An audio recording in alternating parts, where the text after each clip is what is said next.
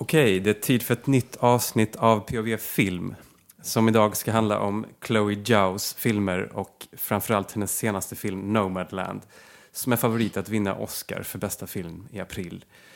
Och med mig idag har jag Sofia Norlin, Parisbaserad regissör som åter är på besök i Stockholm. Välkommen hit. Tackar, kul att vara här igen. Det, det börjar röra på sig i Frankrike nu, vilket inte blev minst tydligt på den franska César-galan häromkvällen där det var många på scen, skådespelare och regissörer och producenter som tog till orda liksom och eh, riktade kritik mot kulturministern som också var på plats. Och detta också mot bakgrund av att, eh, av att franska skådespelare och studenter ockuperar flera teatrar i Paris och i Strasbourg och på några andra ställen runt om i Frankrike där de kräver sin rätt att få börja arbeta igen. Och eh, Ja, det blev en ganska händelserik gala, mm. eller hur? Mm. Ja, rolig och politisk. Och för att eh, det finns ju liksom ett uppdämt behov efter det här året av att sitta hemma i pyjamas i princip, som det har varit i Frankrike. Ja, men lite förvånande ändå får man säga med tanke på att ni har haft det helt stängt i Paris. Ja, fortfarande. Men att folk ja. ändå, att, att galan hölls med publik. Förvisso med en meters avstånd. ja, i, i inte med publik, men med teamen. Alltså med, med äh, precis, med en meters avstånd och jo, mask. Jo, men det det är de som utgör publiken på, på parketten, Ex även på Guldbaggen. Mm. Och så var det inte i, i Sverige. Nej, precis. Eller hur? Nej, det, så man får väl säga att det är publiken då. Ja, precis. Ja, det, är inte... jo, men alltså, jo, det är sant att, liksom, att kunna mötas i en sal och kunna liksom sitta där gemensamt och till och med stå på stenen flera personer. Det är ju liksom helt nytt här. Ehm, det är ju helt gammalt och... Um, och det märks ju hur glada folk var. att det var som att släppa ut ko på, på ett vårspring eller något sånt där. Ja. Det var väldigt uppsluppet. Fanny Ardon fnissade åt allt. Isabelle mm. Huppert höll tal och passade på att säga någonting om genusdebatten. Louis Garrel hyllade Jean-Claude Carrière och även Jean-Louis Trintignant medverkade förvisso digitalt men väldigt rörande. Och mm. rörande var också att man hyllade Max von Sydow väldigt fint i, i det klassiska hommage-introduktionen eh, mm. så att säga. Och mm. eh, Thomas Winterbergs film Druck, En runda till som snart förhoppningsvis får svensk premiär, vann pris för bästa utländska film. Precis. Men framförallt var det en gala som präglades av politiska Politik, undertoner? Ja, eh, det var ju faktiskt väldigt roligt. Alltså det var väldigt viktigt. Eh, politiska mm, speech som folk har suttit och tänkt på nu ett år. Vad ska vi ha filmen till? Vad ska vi berätta om? Vilka ska göra film? Så det fanns liksom en postkolonial aspekt, det fanns en genusaspekt. Förra året var det ju katastrof med Polanskis eh, prisande och Adele mm. Henell som försvann ut eh, Stormade med rätta. Ut salongen. Att, eh, med fler och fler, fler som skrev om det där sen. det blir ju, I år var ju folk rädda också. Vad, vad, vad ska komma i år? Men det fanns, det fanns faktiskt någonting väldigt gränsöverskridande av vad kan filmen vara från och med nu. Eh, vi har de här enormt blandade kulturen i Frankrike med väldigt många ursprung. Och det finns redan i filmen, inte i tillräcklig grad. Så det tog ju stor plats med rätta och var väldigt viktigt. Plus en stor humor om både liksom om, om, om, om kvinnors plats och alltså, det, det, var, det var en ganska revolutionär gala. Ja, men det var fint att det var så många både yngre och äldre som verkligen tog plats och liksom tog utrymmet och tillfället i akt att, att, att, att försöka få ett samtal eller uh. att, att, prata om vad vi ska ha filmpolitiken till mm. och att man också då konfronterade kulturministern på plats i väldigt hög grad. Liksom, där man yrkade på att nu är det dags, nu måste teatrarna och öppna. biograferna öppna igen. Precis. Just nu så står det ju poliser faktiskt och vaktar teatrarna i Paris, där jag bor, för att eh, skådespelarna inte ska kunna komma in. det är helt otroligt. Jag vet inte när i världshistorien det har hänt tidigare, men därför att de är rädda för ockupationer. Eh, av att, liksom, för att kulturen inte anses som nödvändig, och det är det pas essentiella. Eh, men det är den ju. Och det, och så det är på sikt. Och jag tror att hade det inte varit det här året av askes alla sitter hemma i pyjamas och bara väntar, inte väntar utan sitter och tänker på vad är det vi ska göra när det öppnar igen så hade det inte heller haft en sån politisk slagkraft faktiskt eller varit så politiskt relevant som det var under galan. För att det var ju inte, det var ju väldigt genomtänkta speech och väldigt genomtänkta idéer av vad filmen kan gå från och med nu. Och med vilka och med vilka i bild och med vilka ursprung och hudfärger och kön och identiteter. Det var, det var, det var väldigt... Eh, och, och ett försvar, för, alltså ett, ett, slags brandtal för fransk film som faktiskt är ganska unik i att den har sån bredd, konstnärlig bredd och att det är viktigt att bevara. Och, att, och inte minst dess filmsystem också då. Ja, vilket Precis. flera betonade. Mm, mm. Så det var, trots att det var ett mellanår, minst sagt, för fransk film. Exakt, vi har inte sett de här filmerna. Biograferna var ju stängda. Det här är ju nästan, alltså det här är väldigt dystopiskt. Att sitta och titta på en gala när man Mm. inte har sett filmerna. Så att, eh, men men det, det, då, är det ju, då ser man ju också allvaret i det här. Alltså vad, hur ska vi skydda det vi har och det vi har haft? Och vad ska det vara inför framtiden? Så det blir liksom en tankepaus, eller en paus, inte en tankepaus, utan en, en, paus i aktiviteten som skapar stora tankar som fick plats på scenen. Mm. Kul. En gala med både högt underhållningsvärde och politiskt värde. Ja, exakt. Nej, men höger, högertidningarna var ju helt eh, katastrof. Alltså det var här var ju, såg som ett bottennapp kulturellt. Därför att det var ju väldigt vulgärt, men det var också väldigt roligt. Och, och politiskt intelligent. Mm. Yes, ska vi gå in på eh, dagens ämne? You are one of those lucky people that can travel anywhere. Yes, ma'am, And know. they sometimes call you nomads. My mom says that you're homeless. Is that true? No, I'm not homeless. I'm just houseless. Not the same thing, right? No. My husband worked at the USG mine in Empire. I was a substitute teacher. It is a tough time right now. You may want to consider early retirement. I need work. I like work. One, two, three, four, five, six, seven, eight. Welcome to Badlands Spa. What the nomads are doing is not that different than what the pioneers did. Gotta make the hole bigger. So the rest I think Fern's part of an American tradition. Oh, He's gonna come right through the glass. My dad used to say, What's remembered lives. I maybe spent too much of my life just remembering. Chloe Zhao slog ju igenom eh, 2015 Ja. Eh, med filmen Songs My Brothers Taught Me. Ja, som hade premiär i Sundance och också hyllades i Cannes. Där mm. Fortnite. Två år senare var hon tillbaka i Cannes med The Rider. Mhm. Så eh, Nomadland är då hennes tredje film.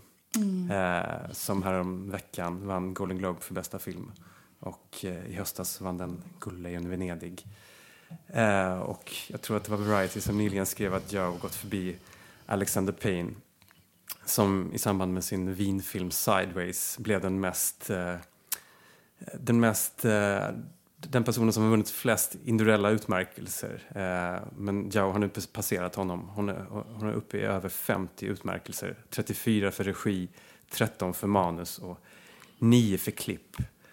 Och bara för att ta hennes bakgrund kort. Född i Peking 1982. Eh, skickades till boarding school i England eh, som tonåring och slutfördes high school i LA. Har sen blivit kvar i USA. Eh, eh, det här är alltså hennes tredje film, men redan i höst så har hon premiär med en, eh, en Marvel-film faktiskt. Som är helt olika det hon har gjort tidigare. Förmodligen ja. Alltså, det, menar, mm. Eh, Därför att hennes metoder, jag är ju väldigt förtjust i Chloe Zhao sen väldigt länge, eller sen hennes första film var i Cannes. Mm. Eh, och jag tycker att hon är otroligt inspirerande eh, filmregissör och hennes metod, hennes sätt att tänka film och hennes filmer.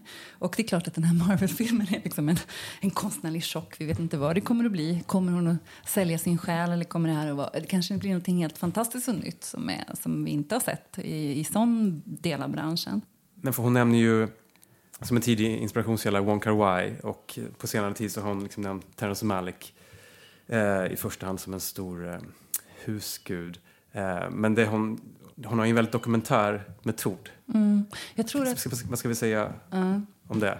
Nej, men alltså, jag tror att både Wong Kar Wai, som hon säger sig inspirera sig för, för, för klipp framför allt, för rytm och alltså, klipp, alltså filmen som en slags musik eh, som hon har hittat eh, inspiration i hans filmer. Och Malik så är det ju givetvis det här hon beskriver landskap, hon har en slags spiritualitet men som inte som Malik eh, går mot Bibeln, liksom den kristna religionen utan hon är ju uppväxt utan eh, den slags eh, traditionella religionen. Så att hennes, man kan säga att det är mer någonting hon söker i naturen, en slags mystik och en, kanske en folktro. Liksom en, en, en slags, um, hon menar ju med att vi är en del av naturen. Att det, finns, det finns inte liksom bibliska referenser på det sättet. Det är inte där hon söker spiritualiteten. Men däremot så är hennes verk alltid väldigt spirituella. Och Nomadland som kommer nu då. Mm. Den är ju en väldigt spirituell film också. Och det är därför också man länkar ofta till Malik. Och metoden hon använder den är ju helt annorlunda, deras metoder. För att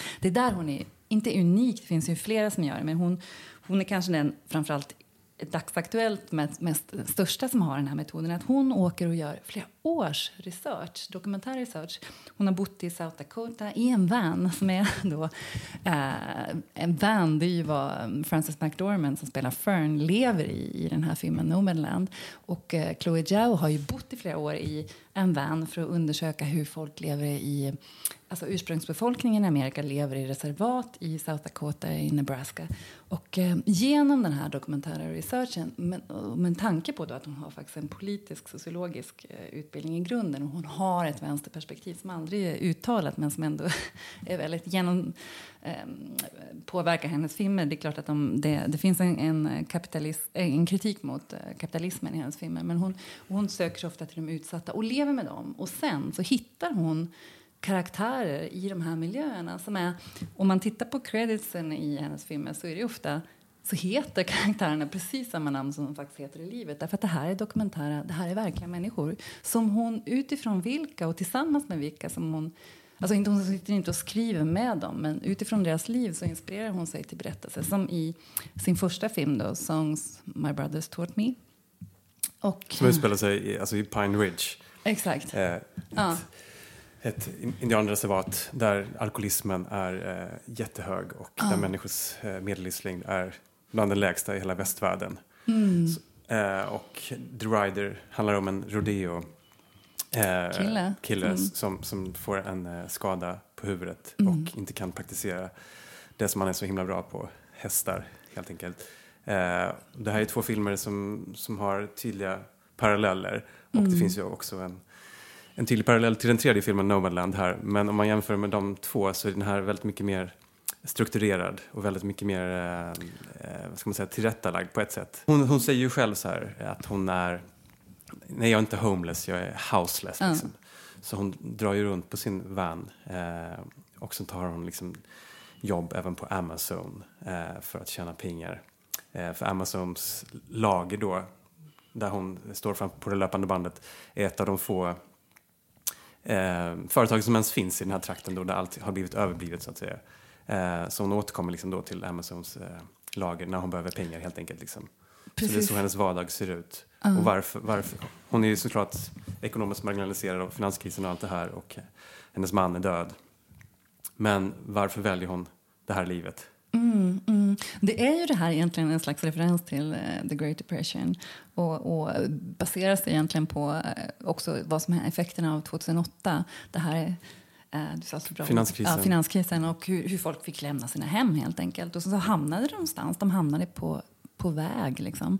Eh, och, eh, det följer ju cykler av året. Att Amazon behöver bara folk vid jul och nyår. Då behöver de, det är som en harvest. Mm. liksom, då är skördemånaden. Då behöver de hundratals arbetare. Ofta är det äldre och liksom sjuka människor. Alltså, så, människor som, har, som inte kan klara sin, med sin sjukförsäkring eh, få ett skyddat liv. Så att då behöver de de här småjobben, dagslönen i gigekonomin. Liksom. Och det här det liksom finns inte, det, det är ju politiskt. Det är låglönejobb fast det är ändå ganska mycket pengar för deras tillvaro ändå. Eller jo, jo precis. precis. De kan i alla fall betala bensin och mat. Mm. så det är så de lever, de här nomaderna eller pionjärerna som man mm. kallar det. Men, jo, men det är så filmen har jämförts också. Jag tror att det var Jan Lumholt som rapporterade i, i Point of View mm. från Venedig i höstas då, att, där han beskrev Fern som vår tids Henry Fondas Tom Joad från Jan Steinbecks Vredens druvor. Och om mantrat då var I'll be there så är mantrat nu See you down the road. Mm. Och det är så hon framskrider sin tillvaro. Liksom. Hon har, På vägarna? Ja, hon har liksom brutit med, sin, med, sin, eh, med sitt tidigare liv fast minnena lever kvar. Och det är mycket i dem som hon eh, framhärdar på något sätt. Liksom. Samtidigt som hon gör en massa nya bekantskaper då längs mm. vägen. Längs vägen som egentligen på ett poetiskt plan skulle kunna vara livet också i den här filmen. Det, det, liksom inte, det finns ingenting i hennes filmer som skrivs på näsan eller är övertydligt. Så att, men den här filmen är ju enkel i sin i sin struktur. Det är en road movie. Det är liksom Frances McDormand som spelar Fern. Som, som I början av filmen så finns det den här texten att det här, hon kommer från ett hon kommer från en, en stad eller liksom ett område som precis har lagts ner. Eh, Empire. Empire, precis. Kungadömet. som, som levde på någon slags exploateringsindustri av, av sten. Och den här stenen är om den då var genom turism eller gruvindustri, men den är inte intressant längre. Så det, det, den handlar ju direkt så, liksom, med tonansatsen i filmen. Att det, Det är en tydlig metafor. Ja, det här, det här, vi exploaterade jorden och så blev det inte intressant längre, så då får människorna flytta. Och då så, sen så, var flyttar de? Var hamnar de? Och, och eh, då möter hon ju när hon sticker ut med mycket få saker som är precis det hon behöver. Hon, sparar, hon liksom bevar, hennes man är död och hon tar liksom inte med sig något mer än, än det hon bara behöver för att överleva i sin van som hon kallar She, Vanguard. Precis, Vanguard. Ja. väldigt fyndigt. Förutom vissa väldigt, väldigt rara föremål då som, som, som, som är, ligger henne väldigt, väldigt varmt Ja, om, om eh, hjärtat. ja. För det är en av få gånger som det är en liten konflikt i, den här filmen är när hon träffar David Stratterns eh, Mm. karaktär Dave, Dave. som också har samma namn ungefär. Mm. Och han råkar, världens snällaste man, Förstöra. förstöra det här porslinet då som har eh, Mm. släktanor. I, Eh, I ett försök att flörta och liksom komma nära henne så tappar han en kartong med hennes välbevarade porslin Mm. från studenten. Som man har planterat redan i öppningsscenen tror Ja, jag, där hon sorterade i garaget. Som, som faktiskt Frances McDormand, som är, det här är så himla, jag tycker det här är jättehäftigt. De har ett, liksom ett inre team på fem personer och sen så är de 23 personer totalt. Och de andra liksom, de, de hjälper till att skapa miljöerna. Men det, det inre teamet, och det är så här Chloe Jao jobbar, är att de är tre, fem, högst sex personer nu i Nomadsland. Och då är ju Frances McDormand, hon, hon är en del av det här som producent och som skådespelerska som är i bild nästan hela tiden. Så att hon har ju tagit mycket av sig själv. Så hon hade själv gått på loppis och sökt de här tallrikarna som skulle likna det som hon själv hade fått liksom, i ungdomen. Acting. Exakt. Och den här filmen, alltså det, den här fi, hela hennes, eh, Chloe Zhaos filmskapande är otroligt småskaligt. Och det finns ju liksom givetvis en, en och storslaget. och storslaget, stora miljöer och så småskaligt eh, hantverk. Ofta när man ser bilder från inspelningen så står de bara tre pers med en kamera och en mickbom och så eh, Joshua James eh, ehm, Richard, som han heter, om det är hennes sambo tror jag, fotografen. Mm, fotografen, ja, och så hon med sin, liksom, ser ut som en iPad-monitor och sen så, och så mickkillen och så Frances McDormand. Liksom, det finns inga fler och hon jobbar ju på det här sättet för att kunna följa ljuset faktiskt. Nu, nu tappar jag lite det här men, men i alla fall propsen, rekvisitan söktes upp av, Mm. av, av um, Frances eh, själv. Därför att det är så här de jobbar väldigt, väldigt småskaligt för att berätta om en otroligt storskalig ekonomi, en gigekonomi. Så att det är liksom Mm. både stort och, och landskapen är enormt stora. Och landskapen som skrämmer de här som, som, som, ehm, som har som lever ett urbant liv medan de, de här st- stora, stora landskapen är precis vad Fern, huvudpersonen i filmen, söker som ett inre lugn och som en tillbakagång till naturen och blir liksom ett med naturen som är ju Chloe Zhaos blick. Och det är där hon också skiljer sig från Malik att det är där spiritualiteten finns och lugnet finns. Och det, det är otroligt um, vackert tycker jag hur de söker de här fantastiska bilderna. Både på eh, uh, Francis McDormands ansikte och Fern hon valde själv sitt namn, Fern. Hon är ju huvudproducent Mm. för den här filmen. Mm. Och hon, som baserar sig på en bok av Jessica Bruder. Precis, som hon blev presenterad av producenterna. Ja. Ja. Och hon sökte ju upp Chloe Zhao för att hon hade sett The Rider och eh, tänkte att det här var ett sätt att filma den här enkelheten och storslagenheten i naturen. Och, och eh, det här eh, lilla teamet som kan förflytta sig väldigt eh, fritt och söka ljuset. Och ljuset är väldigt viktigt i alla hennes filmer. Och, och den här filmen så är det ju um, än mer storslaget. Att de, de filmar bara i... Den är ju väldigt blå, den här filmen. Mm. De filmar bara i de här två, tre, fyra timmarna i slutet av dagen i twilight, liksom, eller ja, skymningsljus. Och, så att resten av inspelningen så hänger de i princip med de här eh, verkliga människorna som, som är med, som, som, som var med i boken redan, i Jessica Bruders bok, som fortfarande som är med i den här filmen och spelar roller, många av dem. Mm. Och eh, som spelar sig själva, Ja, en version av sig i- själva. i någon grad, ja. Och så filmar de bara i slutet av dagen. Och då har de ju preppat hela inspelningen liksom, så att de kan... Liksom, för att Joshua James Richard, eh, fotografen, är också den som gör scenografin. Så att då, då filmar de just under de där timmarna. Det ser ju ut som dokumentär ofta och det är ju också i hög grad dokumentärt men det är också väldigt förberett. Och det här, just att, att söka ljuset på det här sättet och filma över fem månaders tid, för det är det de gör, för de är så få, så med, med pauser. Det är ju bara möjligt med ett sånt där litet team. Mm. Ja, det är häftigt. Och en st- stor nyckel till, till filmens framgång kan man tänka, alltså just visuella. Jag tror att det var eh, Barry Jenkins eh, som nämnde det i ett samtal med regissören just eh, nyligen. Där han beskrev det som att det var så intressant just med tanke på hennes bakgrund, liksom att hon kommer utifrån eh, och eh, tar sig in i de här specifika amerikanska kontexterna då, indianreservaten i Pine Ridge, rodeo, rodeo-kulturen och nu det här i Nomadland. Och för att han menar på liksom att trenden är i högre grad liksom att man gör film om, om det man har bäring för så att säga utifrån sitt eget perspektiv och vad gäller etnicitet och, och kön etc. Eh, Vilket han tyckte var allra mest imponerande då, liksom att hon som utifrån kommande eh, lyckas liksom internalisera eh, de här karaktärerna. För det är väl det som är en av de stora förtjänsterna, liksom, att man verkligen lyckas, att de tar oss innanför de här Precis. personerna oavsett om det är Frances McDormands karaktär här eller i de tidigare filmerna. Exakt, och i de tidigare filmerna så är ju manliga huvudpersonen, huvudpersoner och det är kulturer som är otroligt macho. Alltså det är machokultur, det är rodeo och det är liksom eh, knarkhandel. Ja, dottern har väl en rätt central roll i- får man ju säga i, i, första songs. filmen. Ja. då är det liksom, det, första Men det är machokulturer. Ja, precis. Eller Då- väldigt, väldigt, väldigt nedgångna miljöer liksom, av, av miss, droger och missbruk. Exakt, och, och det är rodeo först, även i första filmen. Och då är han, liksom, huvudpersonen en liten, liten flicka som är yngsta dottern i en familj med massa bröder. Och de här bröderna håller på med rodeo bland annat, eller knarkhandel. Eller liksom, de har alla samma pappa som hade barn med många kvinnor. Då. Och, så dör den här pappan så Eh, eh Så, vi följer den här tjejen, men vi följer också hennes bröder. Eh, Men, men att Chloe Zhao som kinesisk kvinna och som eh, absolut inte, och både liksom från Kina och sen från Europa har tagit sig an det mest amerikanska cowboysamhället. Liksom. Och de här stora, för även Nomadland är ju en slags od, vad säger man, odyssé, en episk berättelse. Och hon hon tar, tar sig an själva westernkulturen, liksom, det här mest eh, maskulina på något sätt. Och hon, hon gör det med en slags självklarhet och en känslighet, en otrolig ödmjukhet. Och det är väldigt intressant att höra henne berätta om hennes de här otroligt långa researchperioderna när hon lever med de här människorna och menar att när hon kommer till de här... eh, Det är väldigt intressant egentligen, det här som Barry Jenkins... Ja, det är intressant, men Ja. det, man kanske inte bör dra så stora växlar på det ändå, för det är ändå ett eh, klassiskt eh, sätt att göra film på. Att, att komma Jo. utifrån och ta sig in. ta Liksom. sig Det, det, det, Ja. det händer ju hela tiden ju. Och det är väl någonting vi måste uppmuntra människor att göra. Exakt, Ja, ja. Men som, en, som, som Anna Eborn, dokumentärfilmaren, gör i Sverige. Hon gjorde också sin Mm. första film från Pine, Pine Ridge, sin dokumentärfilm då.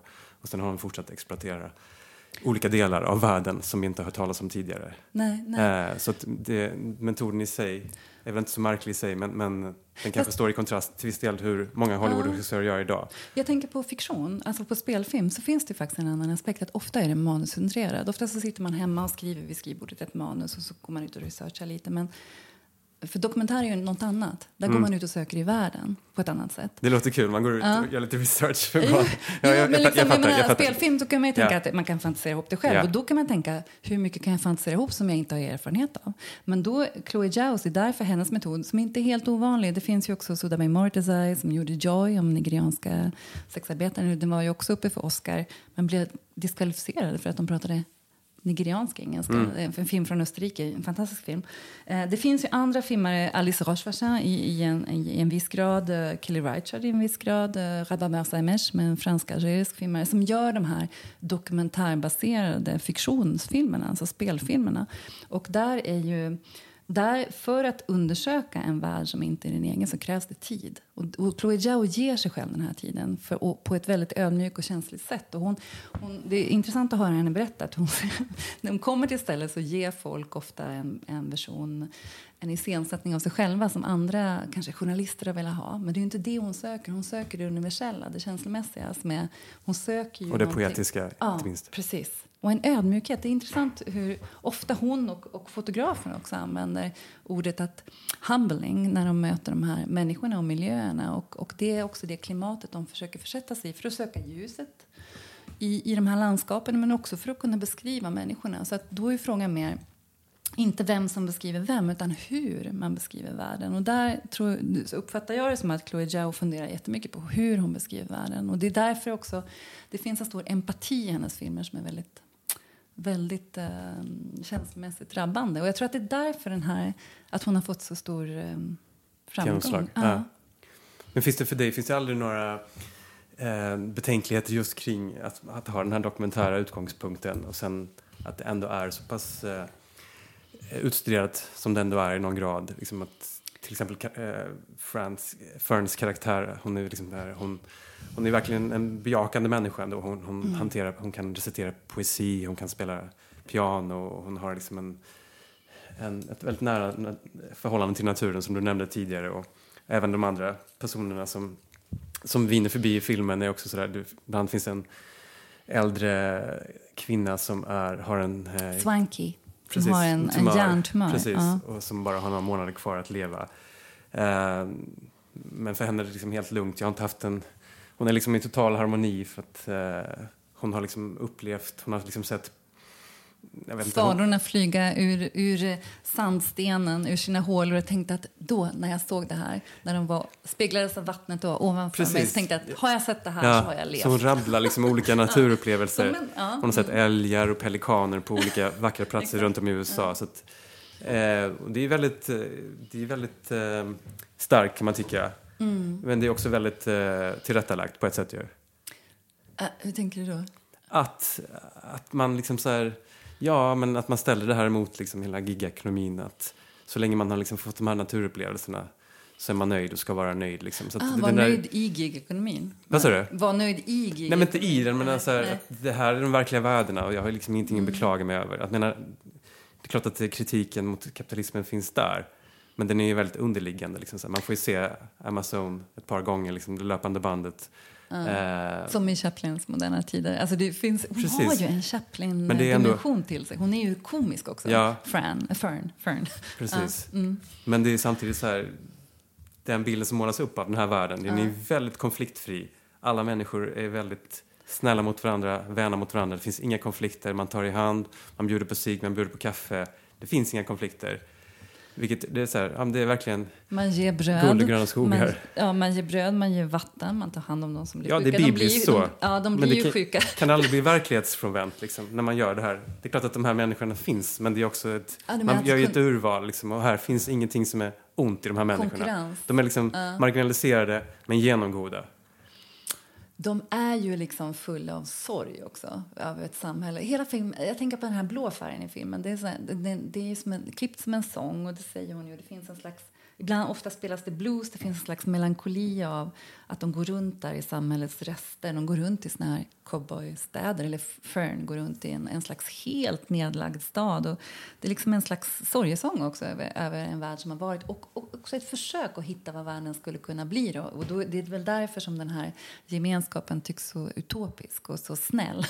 Lite grann som, jag tänker på Mannen utan minne av Aki Kaurismäki. När Mannen utan minne vaknar upp hos de här eh, eh, människorna som bor i Helsingfors i containrar i hamnen. Så, så är allting, då, då leker Kaurismäki med den där, det är plastblommor och liksom allting blommar, allting är så fint. Och det, han, är- för att, han, han driver med egentligen hur, hur, hur den här utopin är det är liksom för mycket så att vi ska ifrågasätta är det här möjligt. Men här är det faktiskt, du har, du har rätt att det är liksom ingen ifrågasättning om det här är möjligt men det är också ett tankeexperiment. Absolut. Ja, Det är mm. lättare att se filmen i det ljuset tycker jag. Alltså från det dokumentära till, till en film som är nästan fabelaktig. Eh, men som ändå är fylld med sorg som du säger. Så den är inte, den är inte världsfrånvänd så. Men, men det, det är ingen... Det blir ingen... Eh, det är dokumentärt men det är ändå väldigt långt från, från realism liksom, någonstans ändå. För mig. Ah, Ändå. ah. Samtidigt så är de här människorna, de lever ju verkligen där ute tillsammans med den här Bob som ledare och det är liksom, de har någon connection till Burning Man och de söker sig på den här community, vad säger man, den här gemenskapen som har ja, uttalat liksom, det är ingen som snackar om politik här men de snackar om att vi pengars värde har inte, vi försöker gå ö, stå över det och, och connecta tillbaka till naturen och de skapar egna riter på sätt och vis. Men det är fortfarande Ja. ändå ett väldigt amerikanskt narrativ. Det är ändå Ja, väldigt... de lever ju så. Ja. Ja, men det, alltså, kan du inte se att det ändå finns ett väldigt starkt amerikanskt narrativ som ändå är präglat av Hollywood i hög grad i den här filmen. Liksom. Att hon har liksom en mycket ädlare utgångspunkt men att det här är ändå en narrativ som vi i hög grad uppskattar idag och som hon är väldigt Medveten om, bra på att profitera. Liksom, vilket jag också tänker hänger ihop med att hon är liksom, en filmbranschjournalist. Som, det är inte bara att hon har gjort en Marvel-film, hon höll också på med en film för Amazon tidigare. Jag vet inte riktigt status för den nu. Liksom, så här, Mm. Men att det finns något väldigt så här, anpassligt amerikanskt liksom, i hela hennes, hennes sätt att göra film. Um, hon är ju sin egen producent också. Hon har ju samproducerat den här filmen. Men, Mm. men samtidigt, jag eh, väljer att tro på hennes eh, ödmjukhet faktiskt inför världen. Det är så jag ser filmen och hur hon eh, Eh, både på ett politiskt och ett eh, spirituellt plan och ett ekologiskt plan kan man säga. Och liksom en samhällskritik, en, en kritik mot den här giga, gig, vad säger man, gigekonomin. Eh, berättar på ett väldigt subtilt sätt. Hon försöker inte skriva oss på näsan och det är väl därför hon behåller också sin publik. Man kan tänka vad som helst när man har sett den här filmen. Man kan tänka att det bara handlade om Fern. Men det handlar ju om massa andra saker i olika lager. Och eh, där är hon ju väldigt intelligent att göra de här starkt känslomässigt drabbande filmerna som följer en... För det var ju inte så i hennes första film. Då försökte hon ju med på ett slags körverk. Och sen så efteråt så beskriver hon det att efteråt så, försöker, så, så, så, tar hon istället för en karaktär som man får uppleva sakerna med och liksom bli känslomässigt engagerad i. Och det här, den här filmen är väl än mer så än The Rider. Precis, Eh, men det finns ju ändå det andra- här ja. ex extremt... Det är, det är två huvudpersoner som är extremt envisa. Liksom. Och det är Ja, väl någonstans väldigt. det som är... Och extremt en stor del av-. En verkligen, och en stor del av syftet. Det får de ju vara. Men det är väl det som filmerna också i hög grad handlar om. Liksom att, Mm. att, eh, att skildra den, den enkla och kanske skadade eller marginaliserade personens eh, fortsatta integritet. Liksom. För, Ja. för de, de, de är ju motvalls, båda två. Liksom. De framhärdar liksom, i sina nycker. Liksom. Mm. Eh, och det är genom det som, som även åskådaren ska få syn på de verkliga värdena av livet. Precis. Någonstans. Men jag tycker också att det finns en, en stor eh, eh, koherens, en stor helhet mellan, helhetstanke mellan vad hon beskriver och hur hon arbetar. Både den här långa, mm, fleråriga researchen men också det här lilla teamet, det småskaliga, att, inte, att använda det som finns på plats. Att inte försöka ta för mycket stor rekvisita, väldigt lätt utrustning. Eh, Arja, Alexa, Amira, liksom, eh, bara naturligt ljus. Eh, få medarbetare som hon litar på, som hon har arbetat med länge. Att liksom det finns en, och det här friheten att, att kunna filma eh, hur de vill egentligen i, inom de här begränsningarna som en slags frihet och, och, och under lång tid. Att det finns en slags rebell, eh, rebelliska aspekter i det där som, som, som är också det som hennes karaktärer har. Att de, de nöjer sig inte inom samhällets konventioner och hur man ska leva utan de försöker söka sig på någonting annat. Och jag tänkte på det i, i Nomadland. Det finns ju en uh, likhet. Jag har precis sett om uh, Vagabond av Varda. Det finns ju verkligen, Verkligen, den här likheten verkligen. mellan Sandrine Bonnaire. Ja, som genom att Fern, då, Frances McDormand, går i de här miljöerna och möter människor på vägen så speglar hon ju alltid hur vi ser på ja, vad har vi för liksom, möjligheter eller förmåga, eh, kapacitet till broderskap, systerskap, till solidaritet och vad är det vi värderar? Vad, vad värderar de här människorna hon möter? Är det pengar? Är det frihet? Och det är precis som Sandrines Sandrine, det är inte precis samma film. Alltså det är samma- Vardas film, alltså Vagabond från Vardas 85 film. som vi pratar om. Ja, Ja. Men, men den väsentliga skillnaden liksom att där är ju mötena av väldigt olika karaktär. Väldigt många är problematiska, det är väldigt mycket fler konflikter som uppstår. Bara för att ta det mest eh, konkreta. Precis. Men, men människor blir också väldigt på sätt och vis avundsjuka att hon, på hennes frihet. Hon har den här friheten, hon lever i smuts. Hon lever liksom, det gör ju Fern- också i Nomadland. Att det är inte ett jätteschysst liv. Hon får liksom, det är ganska mycket småäckliga saker där i hur man lever i en, en husvagn. Liksom, för det är inte jättefräscht allting och det är inte standardiserat. Men, Nej, men, det är, det är också en del, stor del av hennes metod att vara väldigt gritty och Ja. explicit i det. Att inte, inte, inte väja för någonting oavsett Nej. om det är exkrementer liksom, eller vad det än är. Liksom. Men det är också, alltså, man behöver inte ens gå till, till Vagabond eh, som jämförelse utan det räcker ju med roadmovien eller western generellt för att den byggs Precis. i hög grad upp på konflikterna som uppstår på vägen. Och här finns ju inte de konflikterna alls och det är något ganska stort liksom. Att, Jo, men det finns en konflikt i henne. I henne, ja, I absolut. henne, för att det här, och det här är Jo, men jag menar de Ja. yttre bara. Alltså, Jaha, hindren som dyker upp på vägen. Det finns ju praktiska omständigheter som är Men ett problem. Det finns ju en exploaterande ekonomi som är totalt kapitalistisk och som är helt katastrofal. Jag menar i de konkreta mötena. Ja, i konkreta. Ja. Nej, Ja. att människor är snälla, förutom de som bor då i, i samma... Där finns det ju en, en Terrence Malick-referens här. Att hennes syrra bor ju i... Som, som om innan de här Cissi Spacek och Martin Sheen, innan de sticker ifrån I samhället. Badlands. Ja, i Badlands. Så bor de i ett samhälle. Och, och Ferns syster bor i precis samma slags, nästan samma gata kan man känna. Så, så kommer hon dit och tänker, kan jag leva här? Men det kan hon ju inte. Hon kan ju inte ens sova i sängen på natten. Hon kan ju inte stanna där. För hon kan inte leva i det här. Och då, det, det som hon brottas med, Fern, det är ju liksom om hon ska bli, om hon ska kunna känna kärlek, om hon ska våga göra det, då kommer hon bli kvar någonstans. Så hennes, hennes precis som Sandrine Bonnaire i Saint-Antoine eh, i, Vagabond eller Monica i Sommar med Monica som jag tror verkligen är Vardas referens för, för Vagabond. Eh, Monica som söker frihet och inte heller kan vara i ett, i ett par eller liksom inte med samhällets konventioner i alla fall. Eh, så, så kan inte Fern stanna någonstans. Och det blir ju liksom en ensamhet och, och en ensamhet och en frihet som bygger på att hon inte kan ha några band, några, några kärleksband. Eller liksom, hon, kan, hon har inte barn, hon har ingen partner, hon, har, hon kan inte ens stanna hos sin syster. Eh, och, ehm, så hur långt kan man gå från, hur långt kan friheten gå utan att bli en jättestor ensamhet? Och det är ju, I Vardans filmer är det helt brutalt för att då, då säger någon också, då säger en, gam, en um, tidigare vagabond till eh, Mona som är vagabonden i filmen, huvudpersonen, att om du ska leva den här, typ, om du ska leva den här friheten kommer du bli helt ensam. Eh, du måste kunna mm, han ger henne land och bruka och så. Men hon kan inte stanna i det där. Och till så dör hon ju. Det gör ju inte Fern. Men det, den här den inre brottningsmatchen, det är väl liksom Jag håller med dig helt i det. Det är också det som utgör det så extremt bottenlöst sorgliga i det hela tiden. Att de måste vara eh, on the road liksom, för att inte påminnas om, eh, Om, om, allt det förflutna. Liksom. Nej. Vilket är liksom en väldigt eh, valid bild liksom, av hur vi lever våra liv idag. Liksom, att, det ska vara, att vi omger oss med rörelse oavsett om vi åker tåg liksom, eller, eller kollar på Netflix. Att det måste vara intryck hela tiden så att vi inte heller kan eh, eh, försjunka det som har varit. Liksom. Men, Nej. men, men det är mer komplext än så här. För hon är också en person som är lite självkritisk i det liksom, och påtalar att hon kanske har levt för mycket i sina minnen. Ja. Till och med, så det finns en dubbelhet i det, liksom, de här minnena som hon lever i. Samtidigt som hon då nu gör de här bekantskaperna. Och det är det som livar upp hennes tillvaro. Liksom. För det har hon, har hon inte riktigt haft, fått syn på tidigare. Liksom, att det finns alla de här mötena där ute att göra. Liksom. Precis. Och som hon... Eh, mm, där hon måste eh, samverka med en annan människa på ett djupare plan. Och jag ska inte spoila filmen, men hon får ju tillfällen att göra det. Men hon gör det inte. Eller ja, eh, det ska jag inte säga. hon gör det i viss grad.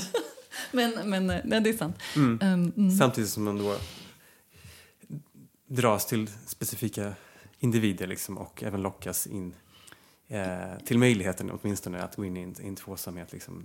Mm. Eh, men vi behöver inte prata mer om Om det- eh, hur det Ja. slutar. Nej, absolut inte. Jag tänkte på en annan sak också när jag såg filmen. Okej, det, finns liksom, det, fi- det finns roliga referenser och, och vackra och eh, humanistiska, liksom, jag, mänskliga till, till Chaplins filmer. Och hon har ju hon har en komisk... eh, ett komiskt spel. Hon har en personlighet som är full med humor också, Frances McDormand. Och det, det höjer ju filmen och det, liksom, det skapar en slags humor i det tragiska ofta. Men Eller- bara så det, det Ja. hennes sätt att jobba universellt. Alltså I början så, när hon sitter i, i kantinen på Amazon så är det en yngre kvinna som har tatuerat hela Kropp. sin kropp med Morrissey-citat. Liksom, eh, Mm. Och det blir också en, en tagline för hela filmen. Mm. Så det är ett sätt att jobba med markörer liksom, för att få med hela världen på den här resan. Liksom. Hon har nämnt det själv också. Så här, mina, mina kinesiska föräldrar kan ingenting om USA, för de fattar ingenting. Men de fattar ändå helt och hållet den här filmen. Liksom. Ah, ah. Ja, hon, hon pläderar för sin egen film, men någonting finns det ju i det. Precis. Det, det handlar ju om exil. Det handlar ju liksom om exil. Hon lever ju i exil, Chloe Zhao, nu från Kina till England, till New York, till nu södra Amerika. Och, och eh, det finns också en större aspekt. Jag kan tänka det här att bli så duktig som de behöver, de här ehm, eh, nomaderna, på massa olika yrken. Uh, Fern här, hon kan städa toaletter, hon kan köra golf, eh, vad heter det, golfbil. Hon kan laga mat i Mm. En restaurang. bland, det är nog bland det enklaste tror jag ändå att köra på- golfbilen. Ja, hon kan jobba på stenindustri, hon kan jobba på Amazon. Och det här är också, jag som jobbar mycket med, eller jag har många vänner som också har, har flytt från krigsdrabbade länder alldeles nyligen. Det här är också väldigt dagsaktuell situation för väldigt många människor. Att ta såna här daglönearbeten i gig- gigekonomin och, och bli väldigt multikompetent. Därför att det är precis som att det är det här gigekonomins um, krav på människan egentligen. Att kunna adaptera sig till, till eh, till eh, kapitalismens skördetid. Skördetider. Liksom, för att eh, Fern färdas runt mellan många olika stater i Amerika för att arbeta inom en viss industri eller turism eller restaurangbransch när det gäller när det, de har sin toppsäsong. Liksom. Så, att, och, och, eh, så det säger också någonting om exil som jag tror är väldigt intimt för Chloe Zhao som regissör också. Hennes liv. Hur tänker du om, eh, om framtiden för Chloe Zhao? är, du rädd liksom att hon, att hon förlorar, förlorar sin, sin, eh, sin ådra, sin själ på vägen? För Uppenbarligen kommer hon gå in i, i, i större, eller har redan gjort, gått in i större projekt liksom. Och Stor chans att hon vinner en Oscar för den här nu. Precis. Hon, jag hoppas att hon behåller sin... Vi, ja, mm. Nej, det är sant att jag och... eh, Ja, vi har, jag har franska kollegor som är väldigt förtjusta i, i henne och hoppas att hon behåller sin metod som är väldigt... eh, inte helt unik, men väldigt fascinerande och väldigt eh, eh, viktig och konstnärligt vacker. Filmiskt vacker. Men, men det är klart att hon kommer tydligen från manga-kulturen så att jag kan fatta att hon gör en sån här Marvel-film. Jag hoppas att efteråt att...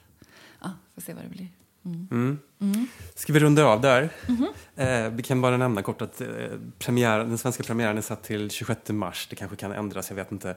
Men vi kan hoppas på det. Eh, The Gå- Rider kan man se på Draken film och eh, debuten Songs My Brother Taught Me finns på nätet. Eh, så för er som inte har sett någonting av Chloe Zhao tidigare, se, Se- de gamla filmerna först. eller hur? Se allt. Se allt, hon är ja. jättebra. Se Nomadland. Jag tyckte den är Precis. fantastisk. Precis. Tack för att du kom hit Sofia. Tackar.